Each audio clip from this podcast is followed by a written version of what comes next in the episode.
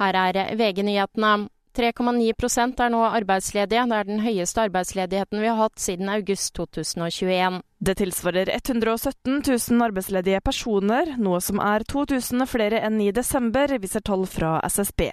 Mye av økningen kom blant menn i alderen 25 år og oppover. Gjennom store deler av fjoråret lå arbeidsledigheten på 3,5% før det nå altså er kommet opp i 3,9.